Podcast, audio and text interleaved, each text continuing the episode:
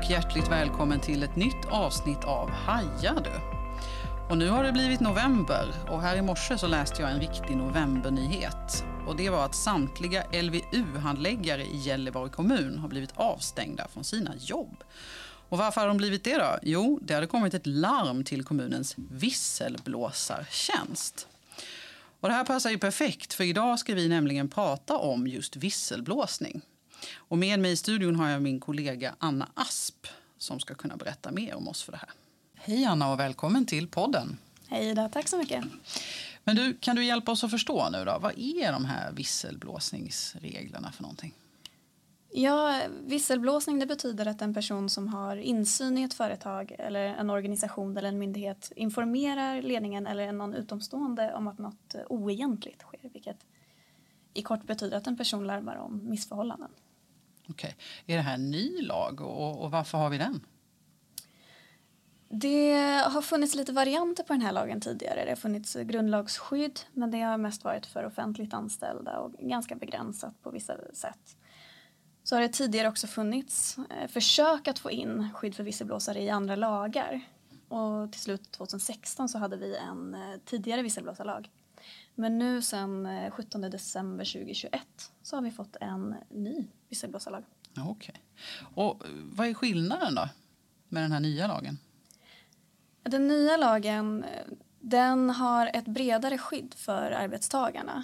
Lite fler skyldigheter för arbetsgivarna när det kommer till information om visselblåsning och eh, tillhandahållande av möjligheter att visselblåsa. Och eh, den omfattar också fler personer än eh, tidigare som har möjlighet att visselblåsa.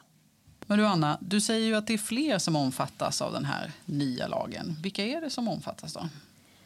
Ja, den personkrets som omfattas har ju utvidgats. Så nu är det ju arbetstagare.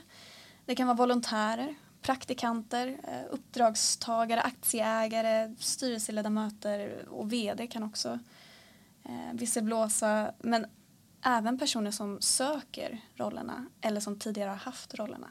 Så det handlar, behöver inte vara någonting som pågår just nu utan det kan vara något som har pågått. Men det kan också vara någonting som man vet kommer ske. Men du Anna, om man nu funderar på att göra en sån här visselblåsning själv. Vad har man för skydd som visselblåsare? Ja, man eh, ska vara fri från ansvar om man har eh, till exempel åsidosatt en tystnadsplikt och Eh, för informationsinhämtning och så vidare. Man ska inte kunna bli straffad av sin arbetsgivare för att man har tagit in information som behövdes för att visselblåsa och man ska heller inte bli straffad för att man har visselblåst. Eh, och det finns ju såklart vissa undantag när det gäller nationell säkerhet eller kvalificerad tystnadsplikt och så vidare. Ehm, men överlag får ett företag inte hindra eller försöka hindra en visselblåsares rapportering. Och man får absolut inte straffa någon som har gjort det. Om man nu tycker att det finns någonting som man vill göra en visselblåsning om, vad är det det kan vara för något som man har rätt att rapportera? Ja, det krävs ju att allmänheten har ett legitimt intresse av att de här missförhållandena kommer fram.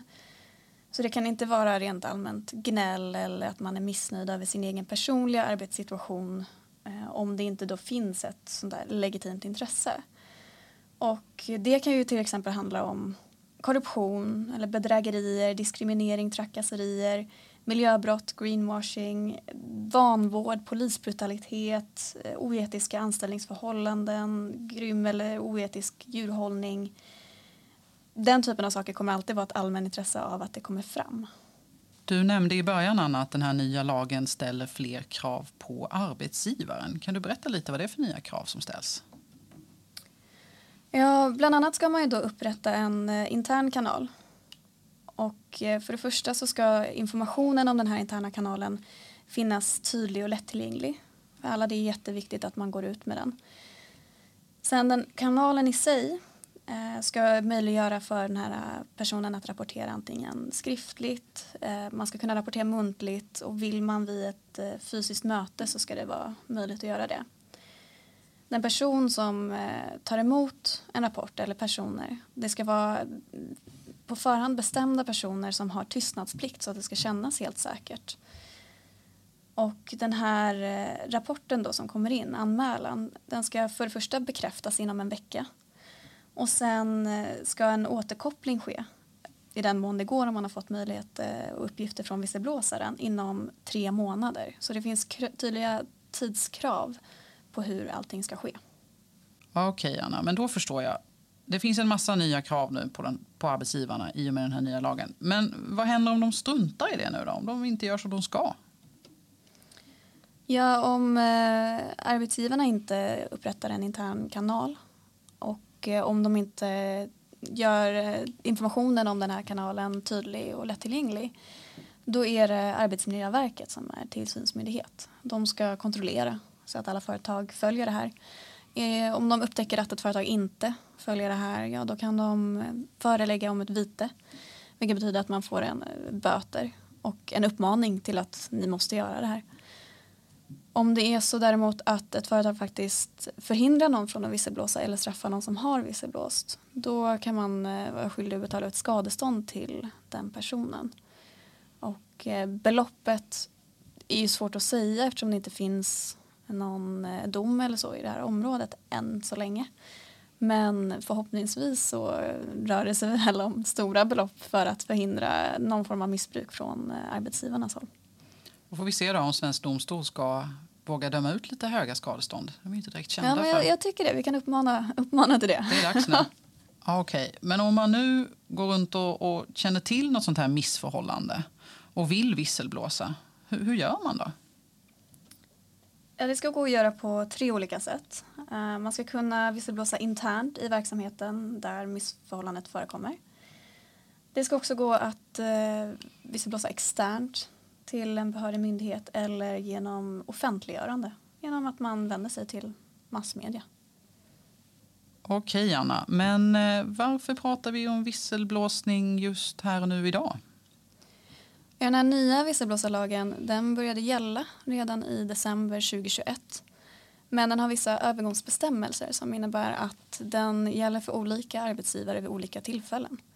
Så första steget var i eh, juli 2022 och då börjar den gälla för eh, offentliga arbetsgivare med fler än 49 anställda. Och för privat, eh, privata arbetsgivare med fler än 249 anställda.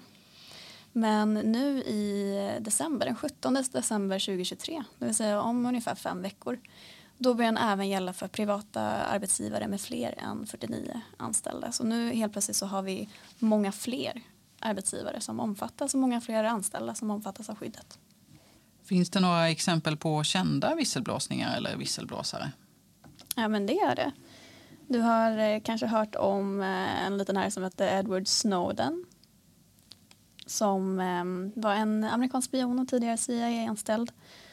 Och han hade också arbetat som konsult för USAs signalrättelseunderrättelsetjänst, National Security Agency. Han läckte sekretessbelagda dokument som påvisade existensen av eh, topphemliga övervakningsprojekt och eh, han läckte också dokument som han menar visar på att USA och Storbritannien bedriver hackingattacker riktade mot datorer över hela världen. Så han överlämnade de här dokumenten till tidningarna The Guardian och Eh, The Washington Post i juni 2013 och efter det var han tvungen att lämna landet. Så har vi eh, Paul van Butinen som var en tidigare EU-tjänsteman och revisor från Nederländerna som avslöjade ett eh, omfattande missbruk av EUs ekonomiska resurser och brister i kontrollsystemet. Han visselblåste 1998 vilket indirekt ledde till att hela EU-kommissionen tvingades avgå. Men han själv blev avstängd, hans lön halverades och han blev tillsagd att han skulle få disciplinära åtgärder mot sig. Så har vi en kvinna som heter Sharon Watkins. Och eh, i augusti 2001 så larmade hon om um, oegentligheter i Enron Corporation till sin chef. Eh, det var oegentligheter i företagets redovisning och finansiella rapporter som var relaterade till bedrägliga redovisningsmetoder och i slutändan så ledde det här till företagets sammanbrott. Och det i sig ledde också till att den ansvariga redovisningsbyrån, eh, Arthur Anderson, gick i konkurs. Och det, vid den här tiden så var ju de en av the big five tillsammans med Deloitte, KPMG, Ernst Young och PwC. Och sen så har vi en israelisk kärntekniker som heter Mordecai Vanunu som tidigare arbetade inom Israels eh, nukleära industri. Och 1980 1986 avslöjade han att den israeliska staten hade kärnvapen. På grund av det här så kidnappades han av eh, Mossad, den israeliska säkerhetstjänsten. De eh, drogade honom och transporterade tillbaka honom till Israel. Där han i en hemlig rättegång dömdes till 18 års fängelse. Och av dem så eh, spenderades de första 11 åren i isoleringscell. 2004 frigavs han men han är tvingad att stanna kvar inom Israels gränser och han har en starkt begränsad yttrandefrihet där. Det var hårda bud. Ja, det är vikten av att uh, ha snälla visselblåsarlagar. Stort tack Anna för att du kom och gästade podden och berättade allt vi behöver veta om visselblåsning. Ja, men tack själv. Och till er kära lyssnare, vi hörs snart igen.